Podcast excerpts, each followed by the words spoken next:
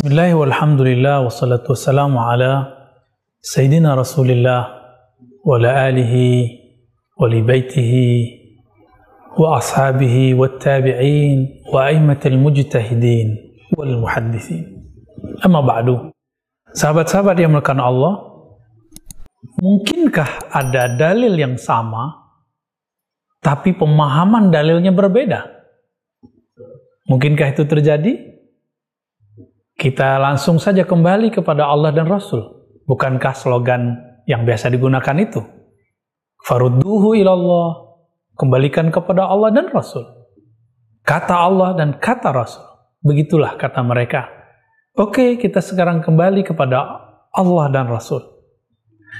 Bukakan di Quran disebutkan walau sya Allah seandainya Allah menginginkan la ja'alahum ummatan wahidah Allah akan menjadikan mereka satu umat saja. Tetapi Allah tidak menginginkan itu. Maka Nabi SAW dalam hadis Muslim ketika berdoa, Ya Allah jangan jadikan umatku saling menyalahkan, saling menghancurkan satu sama lain. Tapi tidak diaminkan oleh Sina Jibril.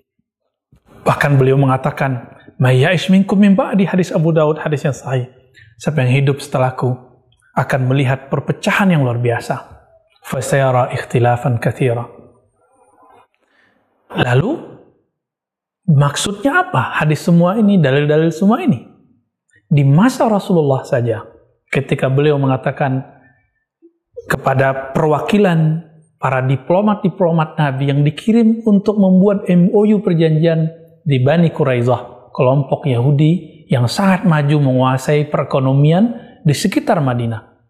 Apa kata Nabi?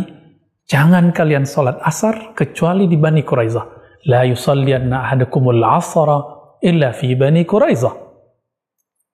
Hadis ini sahih Bukhari dan juga sahih Muslim. Apa yang terjadi di tengah jalan? Mereka berdebat ketika matahari mulai terbenam. Mereka belum sampai dan belum sholat asar. Satu kelompok sahabat sholat di tengah jalan, lalu disalahkan oleh kelompok yang kedua yang mengatakan, kalian melanggar sunnah Nabi. Nabi mengatakan tidak boleh sholat kecuali di Bani Quraizah. Tapi yang pertama mengatakan, bukan itu maksud Nabi. Bergegaslah kamu berangkat, sehingga kamu dapat sholat di Bani Quraidah. Bayangkan, lafaznya sama. Dan itu sahabat-sahabat mulia, afdalun nas ba'dan Nabi. Orang-orang mulia langsung setelah Nabi. Yaitu ashabun Nabi, sahabat-sahabat Rasulullah SAW. Kita ahlu sunnah sangat mencintai sahabat-sahabat Rasulullah dan selalu mengatakan radhiyallahu anhum. Semoga Allah meridhai mereka. Karena memang Allah sudah meridhoi mereka. Mereka telah memberikan contoh kepada kita satu dalil dari Nabi, mereka berbeda. Akhirnya sekelompok sholat di tengah jalan, sekelompoknya terus, dan sholat asarnya ketika maghrib telah masuk. Esok hari selesai MOU dibuat dengan pemimpin Bani Quraizah.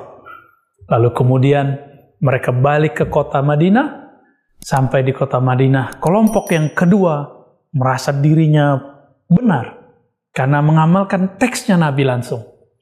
Tidak usah ikut makna yang lain, langsung teksnya Nabi. Jangan sholat asar kecuali di Bani Quraizah. Mereka dengan bangga datang kepada Nabi dan mengatakan, Wahai Rasulullah, itu kelompok yang pertama. Mereka tidak mengikuti sunnahmu. Mereka sholat asar di tengah jalan, bukan di Bani Quraizah. Apa kata Nabi? Mereka benar. Kami wahai Rasulullah sholatnya di Bani Quraisy tapi sudah lewat maghrib. Sholat asar tapi di waktu maghrib. Apa kata Nabi? Asabta sunnah. Kamu telah mengikuti teksnya sunnah. Berarti ada dua macam kebenaran. Tapi menggunakan kata asaba. Asaba yusibu. ya Isabatan atau musibah. Musib. ya Kita boleh artikan orang yang berusaha uh, menggapai kebenaran lalu mengenainya semampunya. Itulah kebenaran yang disebut kebenaran ijtihadi, kebenaran hasil ijtihad, hasil kontemplasi, hasil renungan, hasil penggalian dari suatu teks. Ada dalil, ada usaha menggali dalil itu disebut dengan istinbat, disebut juga dengan istidlal usaha memaknai dalil. Dalil istidlal. Karena sahabat Nabi radhiyallahu taala anhum sudah berbeda, satu dalil ternyata beda faham. Lalu kenapa sekarang ada orang, ada kelompok, ada satu pemikiran yang menganggap satu dalil pemahamannya harus satu juga? Bukankah itu pengkhianatan atas Nabi? Itu adalah penghinaan terhadap sahabat-sahabat Nabi Sallallahu Alaihi Wasallam.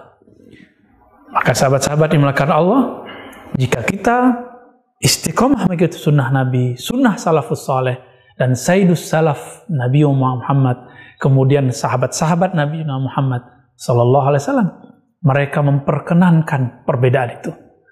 Lanjut di masa sahabat Nabi, Umar berbeda dengan Abu Bakar, Utsman berbeda dengan Ali, Ali berbeda dengan Aisyah, berbeda dengan Muawiyah, berbeda dengan mereka, mereka saling berbeda dan itu biasa.